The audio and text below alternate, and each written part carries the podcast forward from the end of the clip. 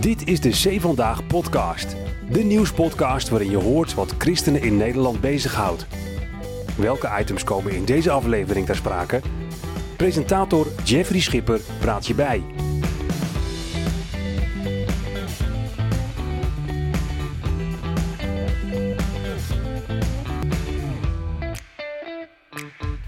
Het is weer tijd voor een C Vandaag nieuwspodcast. En dat doen we vandaag in de praktijk van Arie de Rover. Hij is coach, spreker, schrijver.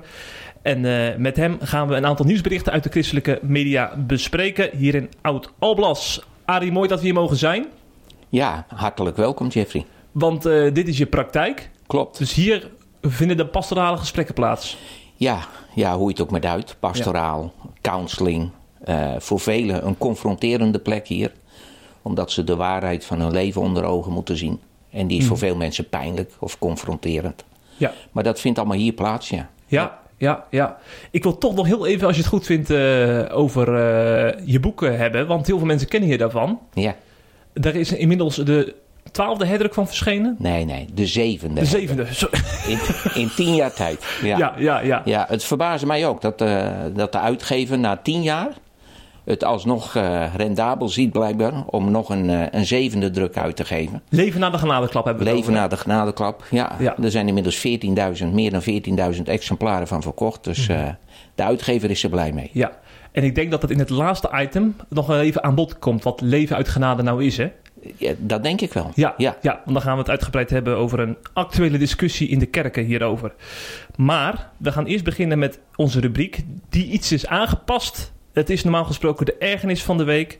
Maar omdat Adi aanschuift vandaag de, het genadebericht van de week.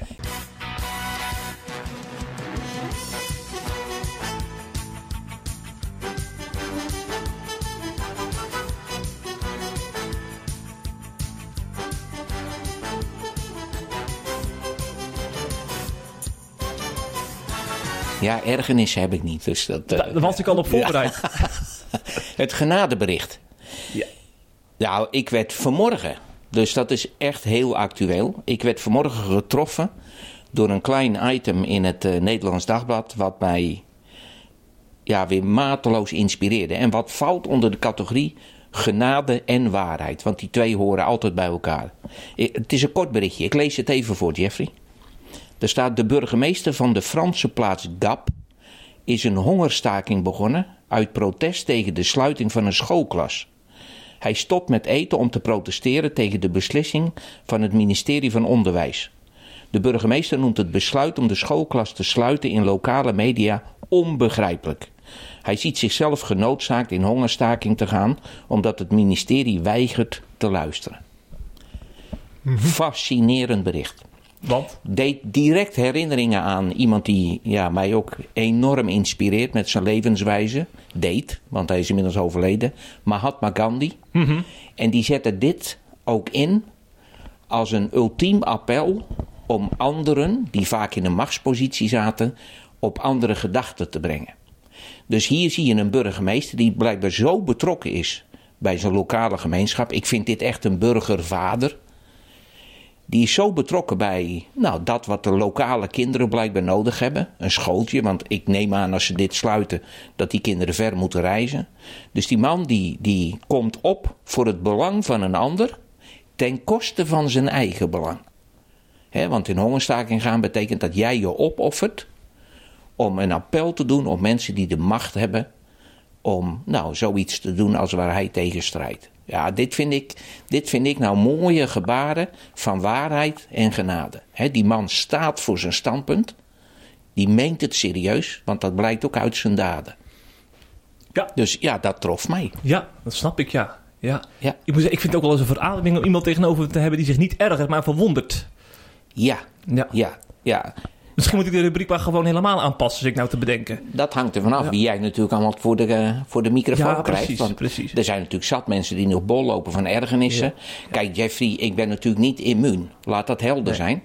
Maar ik ben wel dankbaar dat ik heel veel onrecht en gebrokenheid heb geleerd dieper te leren kijken dan alleen maar aan de buitenkant. Want voor je het weet erger je aan dingen die als je er dieper in verdiept niet zozeer ergernis zou moeten oproepen, hm. maar misschien zelfs wel bewogenheid. Ja. Ja, maar ja, dat is interessant, want je zou ook kunnen zeggen... Hè, ik erger me aan die Franse regering bijvoorbeeld. Hè? Ja. Maar dat is een andere invalshoek. Dat is een andere invalshoek en dan ga je ook te kort door de bocht. Dan oordeel je weer heel snel. Oh ja. Ergernis is heel vaak gebaseerd op een heel snel oordeel of vooroordelen. Ja. En als er iets is waar ik van los zou willen komen, is het oordelen. Ja, ja, ja, precies. Dat, dat maak je pas echt vrij. Mhm. En dan krijg je ook ruimte om beschikbaar te zijn voor eh, ja, een heleboel andere mensen. Helder, ja. Ik ben heel benieuwd, benieuwd hoe we dit eh, ook laten terugkomen in de eh, rest van de podcast. Want er komen nog heel veel items voorbij waar christenen zich kapot aan geërgerd hebben. Oké. Ja, bijvoorbeeld een filmpje, een abortuspropaganda Ja. filmpje, dat gaat nog voorbij komen. Maar eerst wil ik toch het hoofdnieuws van de week bespreken, Arie. Het laatste nieuws uit Christelijk Nederland bespreken we in de C Vandaag podcast.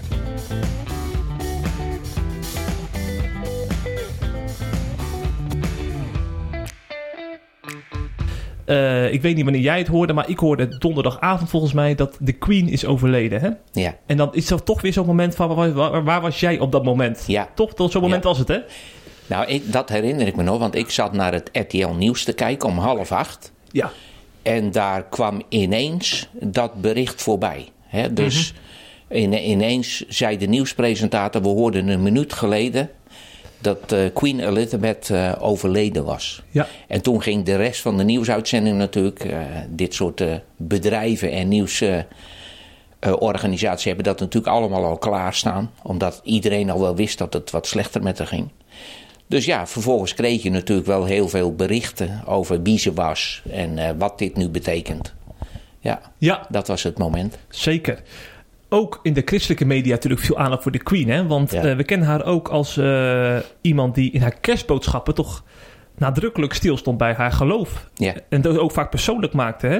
Ja. Wie, wie Jezus Christus voor de wereld en voor haarzelf is. Ja, Ehm, ze heeft ook bijvoorbeeld eh, in de kerstboodschap van 2015, dat was een echt zo'n jaar met heel veel crisis, hè? een vluchtelingencrisis, gruwelijke aanslagen in Parijs onder andere. Ja, ja. Heeft ze een, een vers uit Johannes eh, geciteerd en het licht schijnt in de duisternis en de duisternis heeft het niet begrepen. En dan verwijzend naar Christus die dus eh, het licht is. Hè? ja. Nou, dat is, dat is natuurlijk een boodschap waar je jaloers op kan worden. Hè? En dan las ik ook nog eens, dat wist ik helemaal niet, dat zij heel goed bevriend was. En Billy Graham, een van de grootste evangelisten die deze wereld heeft gekend, Ja. hè, overleden in eh, 2018. Ja. Eh, en, haar, en zijn zoon Franklin Graham, die, eh, eh, zegt, die kan uit ervaring spreken dat de Queen een echte vriendin van het christelijk geloof is en dat ze enorm gemist zal worden. Ja. Wat denk je als je dit allemaal hoort? Want het is het wordt nu een beetje als een heldin van het geloof beschreven, hè, hoe ik het nu doe. Ja, ja. Eh, ik ben daar zeer gemengd over. Oké, Ja, ja. Dus geen ergernis, dat Nee. zeg ik. Maar ook niet gelijk eh, idolaat. Mm. En dat merk je wel eens in de christelijke wereld, dat we het geweldig vinden. Als hooggeplaatste personen ook blijken te geloven. Nou, je noemt zelf al hè, een soort eh, geloofsheldin dan, of een geloofsheld. Eh, en ik vind dat je daar een beetje mee uit moet kijken. Want we hebben toch al de neiging om geloof vooral te laten verworden tot iets godsdienstigs. Tot iets cultureels. En dan is dit natuurlijk een held of een heldin die voor jouw christelijke cultuur staat. Ja. En dan denken we vooral natuurlijk aan de normen en de waarden en, en eh, nou, de boodschappen, zoals Jezus bijvoorbeeld, hè, die je net citeert, wie de Heer Jezus voor de wereld is. Ehm, maar dat, hoe zeg ik dit nou weer op een, op een, nette, op een nette manier, want zo bedoel ik het echt. Eh, dat kan zelfs een groot gevaar zijn voor waar het evangelie echt over gaat. Met respect zeg ik dit, hè? met respect zeker voor de koningin, want we koppelen- koppelen het nu natuurlijk aan zo'n eh, vrouw. Ehm, maar in theorie eh, dingen van de Heer Jezus citeren, dat is de moeite niet. nee. Dat, dat is niet zo moeilijk. Dat kan ook marketing zijn, zelfs in sommige kringen. Dat zou kunnen. Of voor een christelijke moraal staan en daar je hele cultuur omheen bouwen. Het christendom heeft ook heel veel goede dingen gebracht in de cultuur. Dat is nog niet de Heer Jezus navolgen. En juist als je op een hooggeplaatste positie staat, en in dit geval, de koningin was ook nog onderdeel van een van de grootste en zwaarste instituten die je maar voor kan stellen, dan is de kern van de boodschap al heel gauw verwaterd of zelfs verminkt. Ja. Dan gaat het zelfs tegen je werken. Of beter gezegd tegen het evangelie. Om nou een voorbeeld te noemen. De koningin is, was, het Britse Koningshuis is een van de rijkste instituten misschien wel ter wereld. In ieder geval in het Verenigd Koninkrijk. Dus ze zijn onvoorstelbaar rijk. Dus? Dat maakt het heel moeilijk om het evangelie te verkondigen. Als veel van je mensen in de bevolking straatarm zijn en amper kunnen rondkomen. Ja. Dan moet je uitkijken om je mond vol te hebben. En dat had de koningin niet, want ik, ik vind haar echt geweldig in hoe ze het ambt heeft uitgeoefend. Maar voor haar stond het ambt hoger dan haar persoonlijkheid. En dus ook hoger dan je persoonlijke geloof. Ja. En als je niet uitkijkt, loop je het risico van waar Jacobus al over schreef. Dat stukje wil ik graag Ja? even citeren. Ja, ik ben benieuwd naar. Het staat in Jacobus 2. Broeders en zusters, wat heeft het voor zin als iemand zegt te geloven, maar hij handelt er niet naar? Zou dat geloof hem soms kunnen redden? Als een broeder of zuster nauwelijks kleren heeft en elke dag eten tekort komt, en een van u zegt dan: Het ga je goed, kleed je warm en eet smakelijk, zonder de ander te voorzien van de eerste levensbehoeften, wat heeft dat voor zin? Zo is het ook met geloof. Als het zich niet daadwerkelijk bewijst, is het dood. Nou, dat risico. Dus ik oordeel niet over de koningin of haar geloof. Maar kijk uit om als iemand dit soort geloofsuitspraken doet, om dat op een schil te heffen. Ja, ja, dat is een risico. Inderdaad, dat begrijp ik goed hoor. Ja. Dat is een risico, want de reden waarom je dat doet, zegt ook iets. Hè, waarom eh, wil je dit soort iconen hebben? Eh, waar- waarom, waarom wil je je identificeren met, een, met een koningin die blijkbaar ook in de Heer Jezus gelooft? Of, Nou, ik kan me voorstellen, eh, veel mensen leven in een omgeving waarbij het christelijk geloof toch een beetje wordt afgedaan als een sprookje. Ja. Hè, als iets van, hè, daar daar moet je wel heel van, van heel ver, eh, van ver weg komen, wil je dat serieus nemen. ja, En als dan zo'n vrouw met zo'n status datzelfde verhaal gelooft als, als jij, ja. dan heeft dat toch wel een soort van. eh, dan heb je toch een beter verhaal daar misschien voor, voor je buren te vertellen. Nou, en als je het daarvoor gelooft, of als je het daarvoor nodig hebt, ja, is je geloof zelf erg klein. Ja. Dan zoek je het nog. Eigenlijk, eigenlijk heb je dan liever dat je de ander gebruikt als een soort bewijslast voor je eigen geloof. Maar dat is niet geloof op de Heer Jezus. Nee. Dat is blij zijn met de koningin, die het blijkbaar op dat front met jou eens is. Dus je hebt een grote en hooggeplaatste medestander. Ja, zo werkt afgoderij. Ja, dat is een beetje het woord wat natuurlijk Ja. eh, de laatste tijd eh, voor, door mij veel gebezigd wordt. Ja. Maar dan heb je eigenlijk een afgodje nodig om jouw geloof te verzekeren. Ja, ja, ja. Ik heb liever dat mensen echt geloven in de Heer Jezus, oftewel God als hun vader hebben, en daar ook naar handelen. Kijk, als je naar het koningschap van de Heer Jezus zelf kijkt, staat natuurlijk haaks op wat het Britse koningshuis is. Überhaupt haaks op alle aardse koningschappen. ja. Ja? Hij, hij laat zijn hele rijk achter zich. Hij, hij, hij ontledigt zichzelf. Laat zich in zijn eigen schepping geboren worden. Wordt de minste van iedereen om ons te dienen. Dat is natuurlijk een totaal ander koningschap. Dat is niet een instituut waar je tegenop kijkt. Nee, dat is een koning die jou de voeten komt wassen. En dat moet jij je kunnen laten toestaan. Nou, als je daar volgeling van wordt, dat is een hele uitdaging hè, om dan in het aardse bestaan op een hoge positie te zitten. Zeker, ja. ja. Nou, dan ben je inderdaad al gelijk bij de kern, hè? Inderdaad, van eh, eh, de koning die wij dienen. Eh, ga, ga, die maar eens even... ehm, eh, ga dat maar eens zo brengen bij je, bij je collega's en je buren... Dat, dat, je, dat je het ook... dat je ze jaloers kan maken, hè? Dat, Dat, dat, vind, dat vind ik nog wel eens een Ja. lastige. dat. Ja, Ja, en dat gaat dus niet. Laat ik zo zeggen, dat loopt amper via de weg van je kunnen identificeren met hooggeplaatste mensen. Ja. Nee, zelf dan de minste zijn. Mhm. De buren aan jou merken dat je ontzettend dienstbaar bent. Ja. Dat je hen ziet. Dat je bewogen met ze bent. Dat je hen het beste gunt. In plaats van een of ander instituut nodig hebt. Die ook nog eens met macht of met regels de boel moet regelen. Hè? Want ik heb niets tegen koningschap. Hè? nee, Echt niet. Want we hebben, we hebben instituten nodig om met elkaar te kunnen samenleven. En wat dat betreft kan een koning of een koningin heel samenbindend werken. Maar dat heeft nog niets te maken met het koninkrijk van God. Ja. Daar werkt de samenbinding op een andere manier. Namelijk via God als je vader. Ja. Misschien wel eh, mooi om dit item zo af te sluiten. eh, wat jouw herinnering dan is aan, aan de Queen. Hè? Want eh, volgens mij is, ja, in, in principe is jouw hele leven ook Nou, en of- Engel- Engeland Ja, geweest. Dat ja, ik ben nog niet over de 70. Dus, ja. Nou, mijn, mijn bewondering is vooral gestegen, want ik was niet zo thuis in het Britse Koningshuis. Maar ik heb de Netflix-serie The Crown gekeken. En ik weet, Oh ja. dat, ik weet dat dat natuurlijk geromantiseerd is en hier en daar wat aangedikt. Maar ik heb er dus niet naar gekeken als een soort. Ja, hoe je dat, eh, een soort roddelpersachtig. Maar ik ben wel onder de indruk hoe ook in die serie de koningin haar ambt onvoorstelbaar zwaar heeft laten wegen.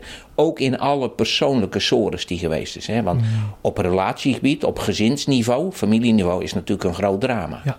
Hè, dat wens je niemand toe. Dat je familie zo ja, ontspoort. En, en dat is wel een van de grootste lasten volgens mij als je in zo'n instituut als een koningshuis geboren wordt. Zeker. Ja, over glazen huis gesproken. Hè? Nou, Het is- glazen huis van de dominee hier om de hoek is er niks bij. Hè? dat kun je geruststellen. Ja, ja, ja. Dus laten we naar het volgende item gaan. Dat gaat Ja. over eh, de christelijke zorgverzekeraar Pro-Life. Eh, die ligt sinds vorige week onder vuur, vooral bij orthodoxe christenen. Omdat zij eh, vanaf 1 januari volgend jaar onder meer abortus, euthanasie en transgenderzorg in het ba- basispakket gaan opnemen. En dat was voor hen natuurlijk nog niet zo. En op die manier konden ze zich ook profileren hè, als een zo- zorgverzekeraar voor orthodoxe christenen die pro-life zijn die eh, deze praktijken niet goed vinden. Maar er gaat dus verandering in komen. Er wordt natuurlijk heel veel gespeculeerd wat er nou aan ten grondslag ligt. Ten grondslag ligt hè? Want eh, het moederbedrijf, Zilveren Kruiszorgverzekeringen, zouden die druk hebben uitgeoefend op pro-life, wordt al geroepen bijvoorbeeld. Ja. Eh, nou, het is al natuurlijk moeilijk om erachter te komen. In ieder geval, pro-life-directeur Jos Leijenhorst heeft verantwoording afgelegd hè, over die keuze. Ja. En hij verwijst ook naar tweedeling in de samenleving. Hè, door allerlei discussies die ook over deze, dit soort kwesties worden gevoerd.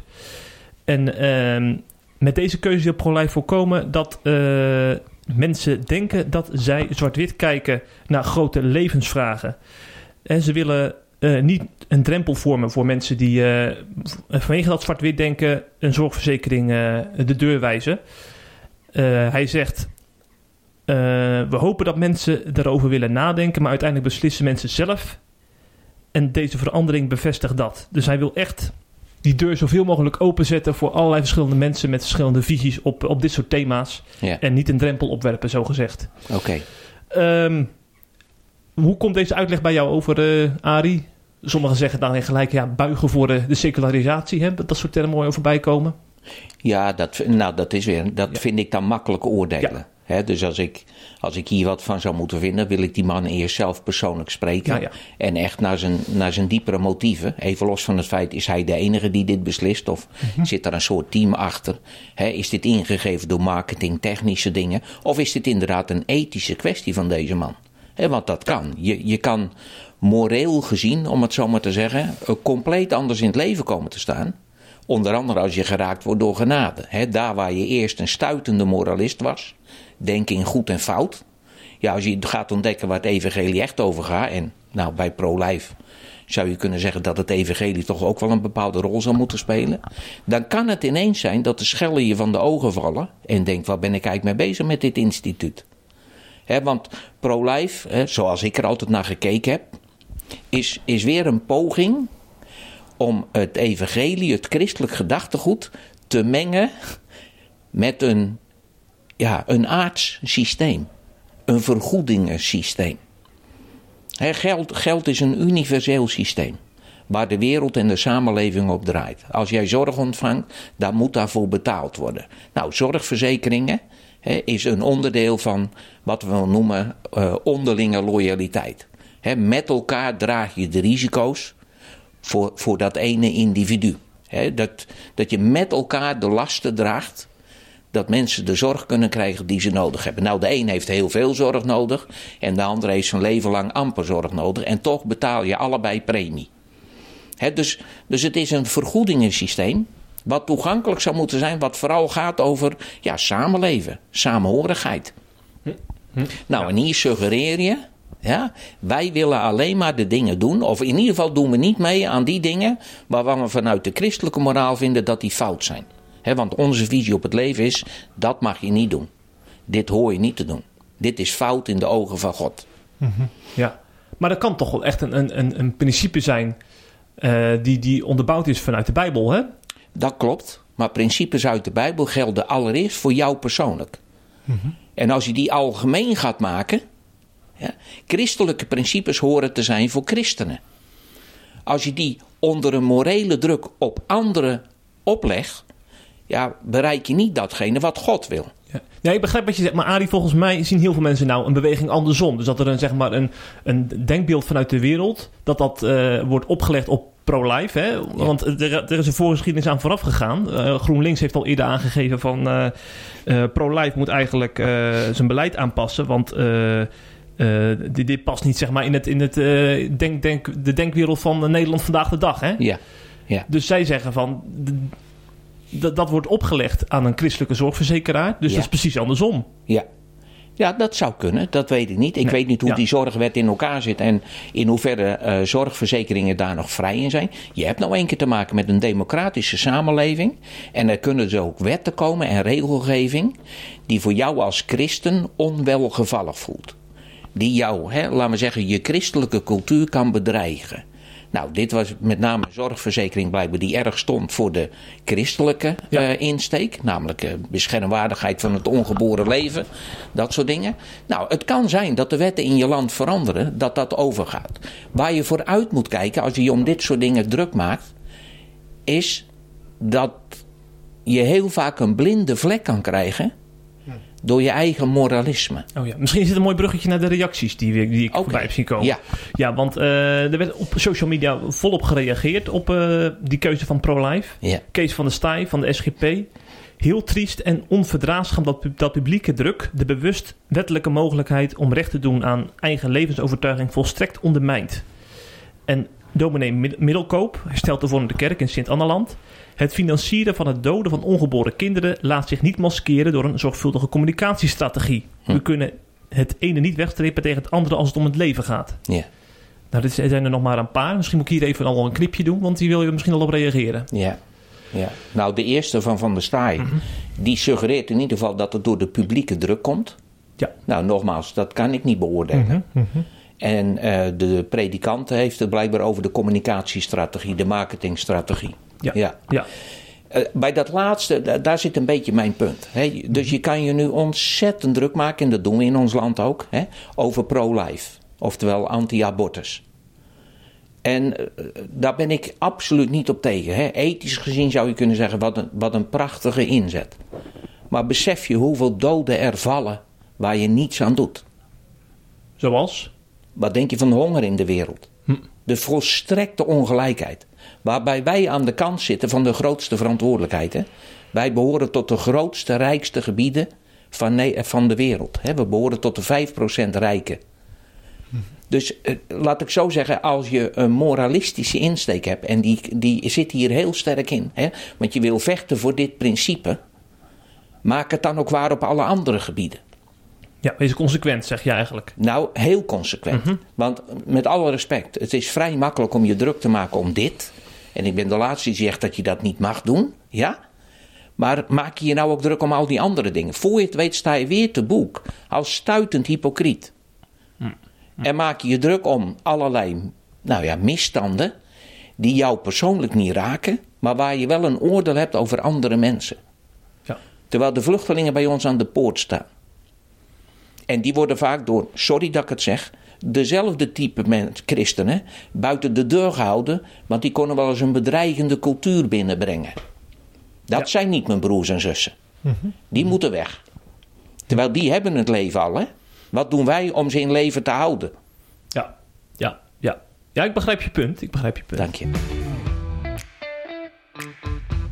Um, nou, nou, hebben we het toch over uh, verontwaardiging christelijk Nederland hebben. Dan kunnen we het ook wel hebben over die ab de abortus uh, propagandafilms, zoals Kees van Helden het noemt, uh, van een meidengroep Vulva.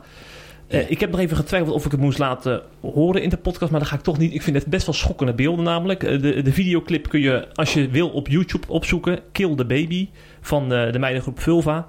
En daarin zie je toch wel schokkende dingen hoor. Ze willen dus het taboe rondom abortus doorbreken, maar dan echt op een manier die heel veel christenen als ongepast ervaren. Dus dan zie je bijvoorbeeld in de videoclip... eh, zie je dan eh, zo- zo'n zo'n babyborn, hè, zie je dan op een stoel zitten. Die wordt dan in, eh, met benzine overgoten en in brand gestoken.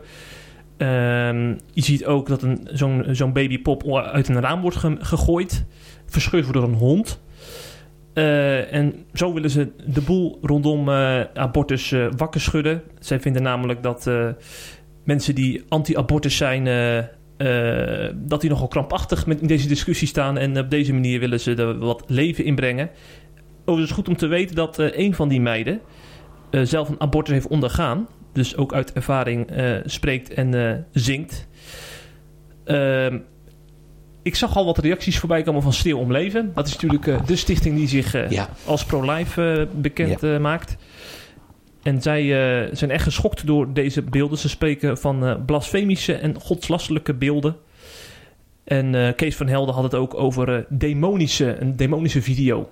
Ja. Ik, heb jij hem toevallig bekeken? Ik heb hem gisteravond bekeken omdat jij mij gewaarschuwd Ja. had Ja, dat je het hierover Zeker. wilde hebben. Ik kende hem nog niet, maar ik heb hem inderdaad bekeken. ja, en je viel van je stoel. Dat nog niet.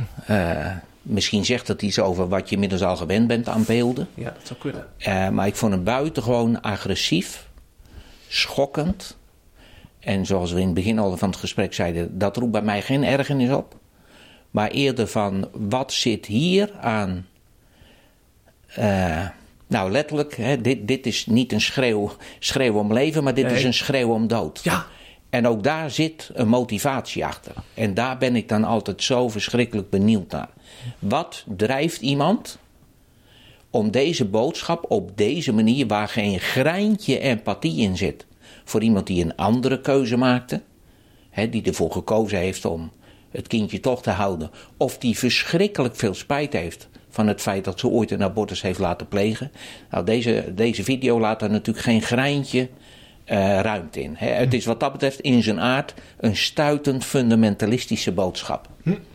Ja, die, Je, die je absoluut, nou ja, godslastelijk, absoluut lastelijk voor hoe God het leven bedoeld heeft. In zijn algemeenheid. Hè. Zo, zo ga je niet om met het leven en al helemaal niet op deze toon. En ook niet met elkaar. Dus, dus ja, wat zit hierachter? Ja, mensen die op een verschrikkelijk agressieve manier een statement willen maken. Ja, En dan vraag ik me toch ook af, hebben wij dat een beetje aan onszelf te wijten? Want dan zie je op YouTube nu allemaal staan van ja, eh, eh, al die boodschappen van christenen jarenlang van eh, dat je geen baas in eigen buik mag zijn en zo is het ook wel eens goed om, om eens een keer een, eh, een statement van, eh, van deze meiden zelf te horen. ja als, jij, eh, als jij welke overtuiging dan ook maar met een stevige moraal oplegt, denkt op te leggen aan een ander, komt er altijd van dezelfde soort een tegenreactie. Ja, ja, zo komt het mij over, een Ja, dat tegenreactie. is ook zo. Ja, ja. Dan, dan krijg je de schreeuwers op het plein voor en tegen. Hm. Ja. En wij christenen staan helaas ook nog veel te vaak bekend om onze moralistische boodschap. Ja. Het apastorale waarop we vaak omgaan met bijvoorbeeld homoseksualiteit. Dat, dat, dat roept natuurlijk ook een, een reactie op van nou, dan kun je hem ook terugkrijgen. En dat krijg je dus als je je overtuiging denkt op te moeten leggen aan een ander.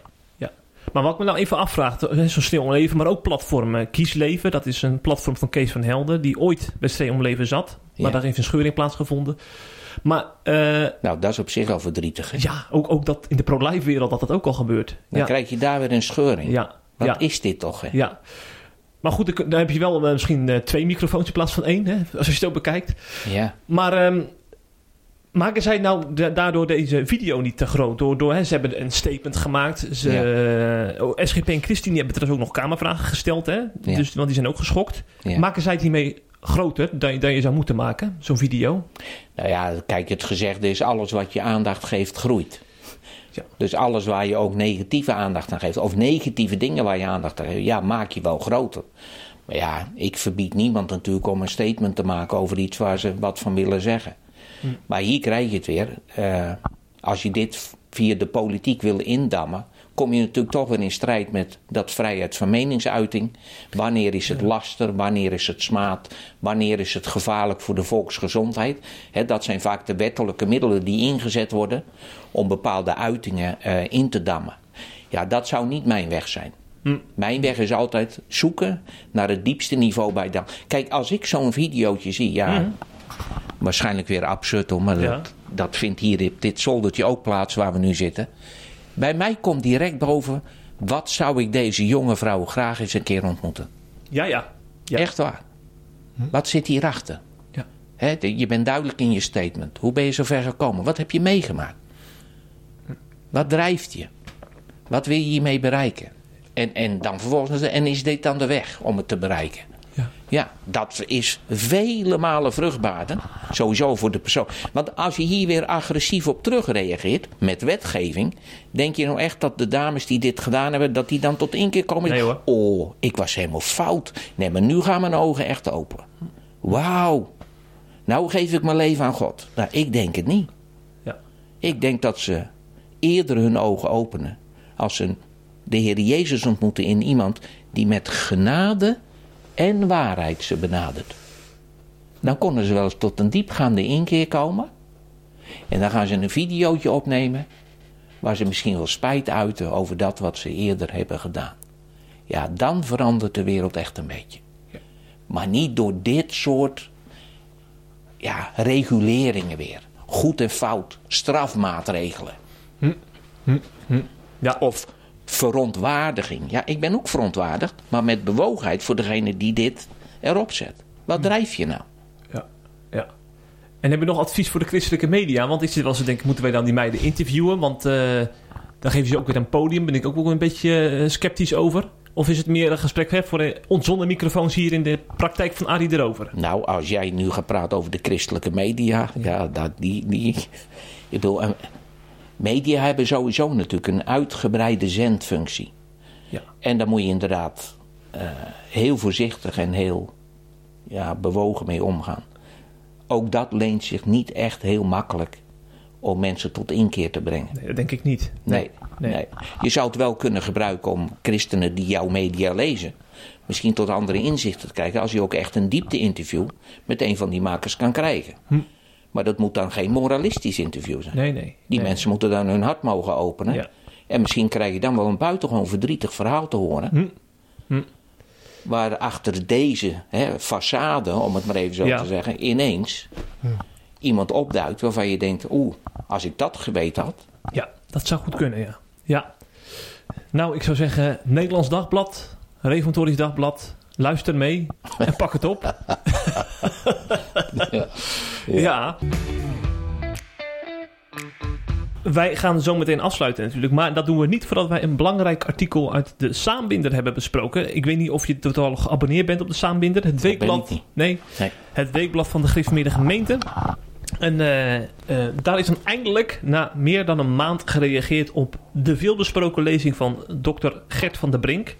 We hebben die al eerder in een podcast besproken. Hè. Hij wijst op een eh, levensgevaarlijke dwaling in de rechterflank van de reformatorische kerken. Dat er misleidend wordt gepreekt over eh, de rijke boodschap van, eh, van Jezus. Volgens hem eh, eh, ehm, ja, wordt het wordt gepresenteerd als een muizenval. Hè? Dat je, wanneer je zeg maar, de genadeboodschap wil ontvangen, dat het uiteindelijk toch niet mag. Want we zijn toch te nietig en te zondig daarvoor. Ja. En die boodschap is volgens hem een verwoestend voor het evangelie. Zo heeft hij dat letterlijk gezegd. Ja. Dat roept natuurlijk ook heel wat reacties op. Hè? Dominee Clemens uit Gouda heeft gereageerd in de Saambinder. Hm. En met jou wil ik even toch wel wat citaten eruit doornemen. Want dat raakt ook de genadeboodschap die jij in je boeken hebt toegelicht. Hè? Ja. Eh, want hij schrijft bijvoorbeeld, eh, Van de Brink vindt dan eh, eh, dat je gewoon een recht toe recht aan boodschap moet preken. Hè? Eh, Geloof het evangelie. Ja. En hij zegt, dit is te simpel en tegelijk ook heel misleidend. Dan naar evangelisatiecampagnes in Afrika, dat mensen massaal met de handen in de lucht staan en Ja. denken dat ze erbij mogen horen. Ja. En wat denkt eh Arie dan als hij dat hoort? Ja. Ja. Ja. Je wordt ook een beetje verdrietig van, lijkt het wel. eh. Ja, omdat ik. eh,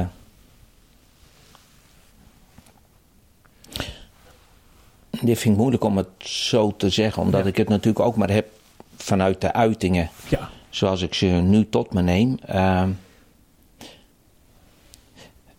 eh, bij beide eh, merk ik nog steeds dat de genade vooral als een soort functioneel ding wordt gezien. functioneel. Ja, als een. eh, als iets, let goed op, Mm. als iets wat je blijkbaar nodig hebt om gered te worden. Ja. En dan is mijn grote vraag natuurlijk, eh, wat, wat ervaren deze mannen bij wat dan gered is? Is dat je plekje in de hemel? Is dat een ticket naar een verzekerde toekomst? Eh, eh, want zo zie ik genade niet. Oké. Ja. Ja, ja. Genade is een eenzijdige, onvoorwaardelijke kracht van God voor jou persoonlijk, waardoor je hier en nu kan gaan ervaren dat je kind van God bent. Eh, wa- wat voor, eh, en het effect daarvan is dat je in dit leven onvoorstelbaar vrij kan zijn van alle krachten die uit je omstandigheden naar je toe komen. Dus het is niet een soort eh, functioneel dingetje voor straks. Nee, je wordt gered uit je aardse identiteit. Nu al. Als je tenminste, en hier komt die, geraakt wordt door die kracht. Nou, en wat ik begrijp is, eh dominee van der Brink, die zegt, die genade komt gewoon op je af. Ja. En die moet je gewoon geloven. maar, maar dat alleen al. Gewoon geloven. Geloven betekent niet het als theorie aanvaarden. Geloven betekent dat je je hele vertrouwen zet op het feit dat God hier en nu jouw vader is. Door zijn genade, door dat wat de Heer Jezus heeft gedaan, mag jij je kind van God weten, voelen en ervaren. Ja, Jeffrey, er is geen hogere status dan dat. Queen Elizabeth kan er niet aan tippen. Ja. Er is geen aardse status die zo indrukwekkend is dan dat. Nou, moet je je voorstellen dat dat je overkomt. Dat dat je diep raakt. Ja, dan verander je. Maar daarom snap je die dominee Clemens niet. Dat hij zegt dat is te gemakkelijk als je zegt ga, ga geloven. Dat is toch helemaal niet gemakkelijk? Ik vind dat inderdaad, daar ben ik het met hem eens. Ja, maar dan gaat hij weer in de valkuil dat we blijkbaar, eh, omdat het zo moeilijk is. Eh, nee, hij- laat ik zo zeggen, hij vindt de moeilijkheid dat je dat niet zomaar mag zeggen. Precies. Ja. Nou, dominee Clemens moet dan, als hij heel consequent is, elke huwelijksdienst die hij doet, waar twee geliefden ja op elkaar zeggen, dat ze altijd van elkaar zullen houden, zou hij ook consequent moeten zijn en zeggen, ja, dit slaat nergens op. Jullie denken dat dit liefde is? Houd toch op, man. Je hebt nog niks meegemaakt. Ja. Dus dit mag je niet zomaar je toe-eigenen. Dat, nee, die liefde hopelijk groeit die. En krijgt hij ook een heel ander, lees dieper karakter. Nou, dat is met de genade ook. Wij hebben een eeuwigheid nodig, daar ben ik echt van overtuigd, Jeffrey. Om te groeien in wat de genade van God nou eigenlijk betekent. Dus aan de ene kant is het heel makkelijk, want het komt bij God vandaan, jij kan er niks voor doen. Aan de andere kant is het verschrikkelijk moeilijk, want jij moet dat wel gaan vertrouwen. Meer en meer en meer en meer. En hoe meer je het gaat vertrouwen, hoe meer dat zal blijken uit je daden. Je gaat niet meer vastzitten aan je bezit. Ja. Je hoeft je erkenning niet meer te halen uit mensen. Je hebt niet meer de neiging om andere mensen met jouw moraal lastig te vallen. Je gaat ze dienen, je wordt de minste, je wordt nederig. Ja, dus ik ben het wel met die dominee eens. Ja, dat het inderdaad heel moeilijk is. Ja. Maar niet moeilijk in de zin van ho, ho, ho. Daar ga jij niet over. Wacht rustig maar. Nee, nee. Wat is het moeilijk hè, om dat te vertrouwen. Kom maar. Zullen we nog een stapje doen? Kom, morgen nog verder. Nog, laat dat maar los. Dat heb je niet nodig. Kom, we gaan groeien in vertrouwen. Dat is, dat is genade. Ja. ja, maar volgens hem moet natuurlijk God eerst een heel wonderbaarlijk eh, werk in je hart doen. Ja. wa- Waardoor je uiteindelijk eh met bekeringservaring Maar daar krijgt. heb je het alweer. Een wonderbaarlijk werk in je hart. Ja, als je groeit in genade, maak je daar bijna elke week mee. Steeds dieper en dieper en dieper en dieper. Toen ik de eerste keer geraakt werd door genade. Man, ik noemde het niet voor niks een genadeklap met terugwerkende Ja. kracht. Ik liep flabbergasted door New York toen ik voor het eerst de genade binnenkreeg. Dus wel leuk, mensen die voor de geloofsdoop zijn, die vragen mij nog alles. Arie, be- eh, heb je ook de volwassen doop of de geloofsdoop? Nee, daar ben ik niet aan toegekomen. Ik ben als kind gedoopt. Heb ik geen fundamentele mening over. Nee, nee. En die zeiden, nee maar je moet, je moet je juist laten dopen ja, als je ja. tot geloof komt. En dan zei ik, nou wanneer was dat bij mij dan? Nou, dat moment zeggen ze dan, waar jij over in New York. Hè? Mhm. Dan zeg ik, dankjewel dat je dat zegt. Maar ik kan je vast verklappen. We zijn inmiddels al 25 jaar, wat? Veel, Mhm. bijna 30 jaar verder. Ik zeg, daarna heb ik nog zeker 5, 6, 7 andere momenten gehad. die nog vele malen dieper gingen. Had ik me dan weer moeten laten dopen. Waarvan ik dat moment in New York zelfs een beetje dacht van, nou, dat was nog maar kinderspel. Dus bij deze dominee ook. Mensen die, wa- wanneer is het dan? Wat, wat is dan dat wonderbaarlijke moment? Ja. Ik, ik heb er inmiddels diverse meegemaakt dat ik denk: wat is dit? Ja. ja, maar dat is het probleem. Eh, denk ook mensen die jouw verhaal horen, die denken van, oh, die Arie heeft een genadeklap meegemaakt. En heel veel mensen wachten er al 40 jaar op. En dan Ja. pas kunnen ze zeggen van, dan mag ik aan het avondmaal, dan mag ik me Ja, overgeven. En dan eh, ben ik echt eh, wedergeboren, zou ik maar Ja. zeggen. Hè? Daar wachten mensen op. ja en ze weren die klap af. Ja. Om het maar even wat plastisch neer te zetten. Door voortdurend te zeggen: ja, maar het is niet voor mij. Ook dat is- nog. hè, dus God komt elke dag met zijn liefde naar je toe. Hè, je meisje staat elke dag bij je op de stoep. Het mooiste meisje uit de stad. Ja. Ja? En jij wil ontzettend graag verkering. Je doet de deur open, daar staat ze. En je denkt, ja, maar dat kan niet voor mij zijn. Nee, je sorry, je bent verkeerd. Daar ging die Dat, van de Brink het, over. het kan niet waar zijn dat dit Ja. voor mij... En je doet de deur weer dicht. Daar ging En, die en, en vervolgens zeg je dan, ja, ik zit er nog steeds op te wachten. Welk wonder heb je nog meer nodig dan wat de Heer Jezus voor je gedaan heeft? Vind je dat geen wonder? Joh, ik kan nog tranen in mijn ogen krijgen als ik, als ik het in- naar binnen haal. Dat hij daar hangt, naakt. Uit eigen vrije wil, Jeffrey. Voor mij. Zodat ik het paspoort als kind van God heb gekregen. Dat doet hij voor mij, Jeffrey. Er is toch geen verpletterende wonder dan dat? Tenminste, dat vind ik. Ja, ja, ja. Maar wat denk je dan als die, als die dominee verwijst naar de, de gelijkenis van de zaaier? Want er gaat natuurlijk een heel, heel wat zaad gaat, eh, komt eh, niet in de goede aarde terecht, hè? Eh, heel wat Ja. zaad verdort. En dan zegt hij dat toch een klein deel uiteindelijk eh, gelooft. Dat doet geen afbreuk aan de heerlijkheid van het evangelie, maar wijst onze hardnekkigheid aan. Ja, daar zeg ik amen op. Wij zijn stuitend hardnekkig. Joh, genade is gif voor je ego. Je dikke ik, je stuit het. Genade hoort je jezelf beschikkingsrecht te kosten. Niet meer ik, maar u, Heer. Hier ben ik. Ik wil niet eens meer voor mezelf leven. Als u dit voor mij over had, dan walg ik zelfs van mezelf. Ik, ik, ik wil leven zoals u naar mij kijkt. Ik wil leven met u als bron. Ik wil u als vader en niet al die afgodjes in mijn leven waar ik het nou mee loop te doen. Ja, wij zijn zo hardnekkig, joh. Ons ik verzet zich er tegen, want we hebben heel graag grip, Jeffrey. Controle, zekerheden. En die zoeken we allemaal hier maar in die tasbak. Ook als het over zo'n genadeboodschap gaat. Ja, maar je moet eerst een soort check door. Ja. Dus aan de ene kant wordt genade heel vaak goedkoop gemaakt. Theoretisch, makkelijk. Iedereen is welkom zoals die is. Ja, ja. Maar weet je wie je gaat ontmoeten? Je wordt verpletterd door genade. Je gaat walligen van je eigen ik. Iemand offert zich helemaal op voor jou. Ja. De Queen van Engeland verkoopt al haar landgoederen en deelt het uit aan de armen. Nou, dat gaat wat doen, jongen. Haar kroon zet ze af, verkopen dat ding, want alle armen moeten gevoed worden. Dat doet wat met een koninkrijk. Nou, zo komt Jezus naar beneden. Dat raakt je toch? Je maakt het wel heel wat luisteraars moeilijk nu, Arie. Want? Nou, eh, ik denk dat heel veel luisteraars hunkeren naar eh, een Arie die zegt... of ik zit in kamp Van de Brink of, ik zit, of ik zit in kamp Clemens. Dat is nou een beetje de discussie in Kerkelijk Ja. Nederland. Ja, nou, en als ik het op me in laat werken, maar nogmaals, ik ken de mannen niet persoonlijk. Nee. Dus het is wat oordelen op wat er in de media staat, om het maar even zo te zeggen. Ik moet ook eerlijk zeggen, ik heb Van der Brink niet zelf beluisterd, dat had natuurlijk ook gekund.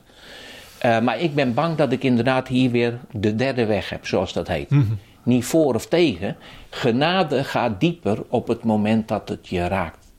Ja. Dan kun je inderdaad zeggen, ik ben het met Van der, een, van der Brink eens, het is onvoorstelbaar eenvoudig. En daarom is het voor ons zo moeilijk. Ja. Het is te eenvoudig eigenlijk. Dit kan niet waar zijn. Dit kan niet Bijna waar zijn. wel, hè? En er is bijna niemand die zich er echt aan durft over te geven. Jeffrey, ik ben er nog steeds mee aan het worstelen. Om nog meer over te geven. Nog meer los te laten. Omdat ik God wil vertrouwen. Ja. Ja. Ja. Ja. Ja, dus nee, maar- ik heb geen eh, pro-die of anti-die. Nee, snap ik, snap ik. Maar weet je wat ik wel lastig vind aan zo'n theologische discussie... dat een beetje uit de hand aan het lopen is? Eh, dat we daardoor eh, hebben over... ehm, eh, hè, hoe, hoe, hoe dingen nou in de, in de regels of in de catechisme staan. Ja. En eh, eh, hoe die dominee eh, preekt en hoe die do- dominee preekt. Maar wat jij nu zegt, zeg maar, de kern van Jezus' boodschap, Ja. die, die verdwijnt naar de achtergrond daardoor. Dat zie je vaak bij. Dat vind ik echt heel erg triest. ja. Terwijl we het daarover moeten hebben. ja, maar daar heb je het alweer, Jeffrey. Erover moeten hebben. ja. Dat is niet genoeg. Nou, daar heb je het alweer. Voor je het weet. Nou, daar heb je. Ik vind genade de meest diep aangrijpende en ontroerende kracht in het leven. Daar moet je het niet over hebben. Daar moet je je door laten raken. Dat is En ook heel, heel bevindelijk wat je nu zegt, hè? ja, dat, dat klopt ook. Ja. Ja. En dan gaat het je hele leven veranderen. En dat doet misschien wel een appel op andere mensen die ook zo graag in die vrijheid willen leven. Dat is volgens mij navolgen van de Heer Jezus. En het niet erover hebben. En discussie. Voor het weet wordt het weer theorie. Is, blijft het theorie en theologie. Bornheuven noemt dat goedkope genade. Dan heb je hem als leer. Maar dat verandert geen leven. Maar als het je raakt en treft. Weet je, dan kan iedereen ervan vinden wat ze willen, joh. Dan kunnen ze ook zeggen, die mensen maak ik hier ook al mee. Die zeggen, nou, ik ben nu voor het eerst aan het avondmaal gegaan. Want het heeft me zo geraakt. Nou, de hele kerk keek me met scheve ogen aan. En dan vraag ik altijd, en hoe voelde dat? Heel vrij. Mensen mogen er echt niks van snappen. Ze mogen me er ook om veroordelen. Nou, dan heb je de Heer Jezus in je hart gekregen. Dan ben je geraakt door zijn genade. Dat je het ook aan kan dat mensen er niks van begrijpen. Dat ze met stenen klaarstaan om je weer onder tucht te zetten. Ja. Dan zeg je, broeders, ik snap jullie. Ja. Ik snap, maar het is me overkomen. Maar dan kom ik toch weer bij Van der Brink. Want Van der Brink heeft in de loop der jaren zoveel mensen gesproken... die zijn eigenlijk beschadigd door eh, wat zij in een eh, reformatorische gezinte hebben aangetroffen. Hè. Dus die Ja. gaan dan bijvoorbeeld aan het avondmaal. Ja. En twee dagen later staat er een ouderling op de stoep... Ja, om duidelijk te maken dat dat niet zo makkelijk gaat. Dus dan wordt hij een beetje geremd... en dan gaat hij de volgende keer toch niet aan het avondmaal. En nu Dat zegt Van der laatste- Brink... nu ga ik er wat van zeggen, zegt hij eigenlijk. ja, dat laatste snap ik niet. Sorry.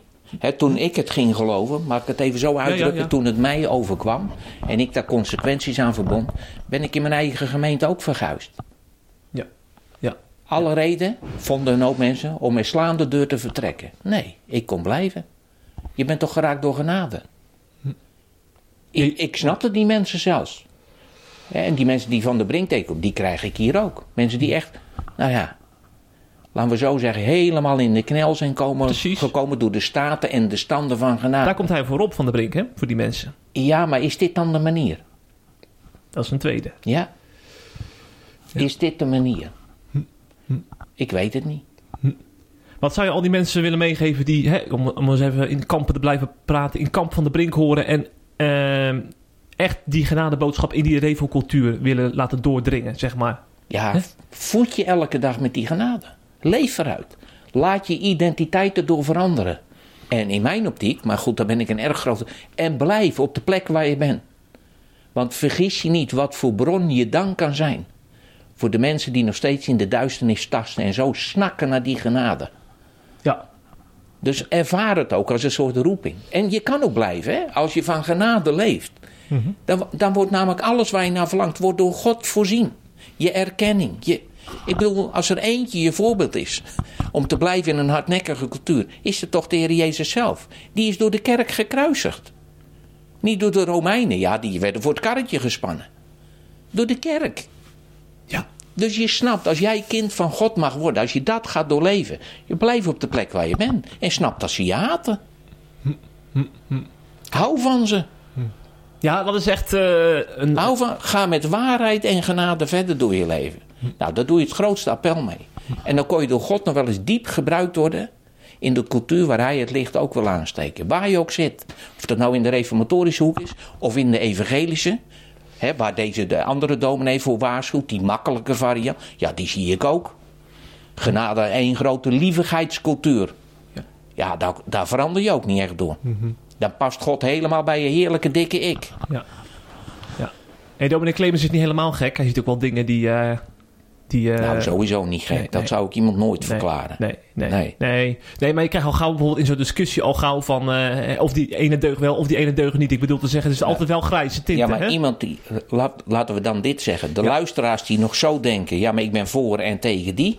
Hè, voor die en tegen die. dan heb je de genade ook niet ontdekt. Dat doet me aan Korinthe denken. Ik ben van Apollos, jij bent van Paulus. Klopt. Hè? Klopt. Dat was en toen. dat valt allemaal weg op het moment dat je ervaart dat je identiteit door de Heer Jezus alleen gevoed kan worden door de genade van God. Dan hoef je geen kant meer te kiezen. Nee, nee, nee, nee, precies. Dat vind ik wel het moeilijke aan christelijk Nederland, hè? Van dat je toch eh, eh, al heel gauw ah, kijk, bij welke kerk hoor je? En bij welke dominee eh, ben je, zit je onder het woord? Je toch, mensen willen toch heel gauw, gauw jou eh, in, in, in een van de hokje plaatsen. Van, Dat, ja, dat komt omdat het christelijk geloof nog in overgroot deel godsdienstigheid is. Religiositeit. Ja. En dat is natuurlijk de triestheid van het christelijke vaandel wat we nog steeds heffen. Mhm. Dus heel veel christenen, om het maar even zo te zeggen, eh, moeten het nog hebben van dat type afgoderij. Hm. Nou ja, ik heb mijn, mijn nieuwe boekje Genadeloos Goed, gaat alleen maar over dit thema. Het grote verschil tussen godsdienstigheid en, en geloven in genade. Het ook echt vertrouwen. Niet in God geloven, maar God geloven. ja. Een wereld van verschil. Als ik nog even deze podcast om in laat werken, eigenlijk zit in elk nieuwsbericht, zit, kun je door de genadebril bekijken zo'n beetje, hè? als ik het zo eh, samenvat. Dat klopt. Ja, Ja. dus eigenlijk moeten we het nog een keer doen in de toekomst, eh Arie. Oh, je zit weer te hengelen naar de volgende afspraak.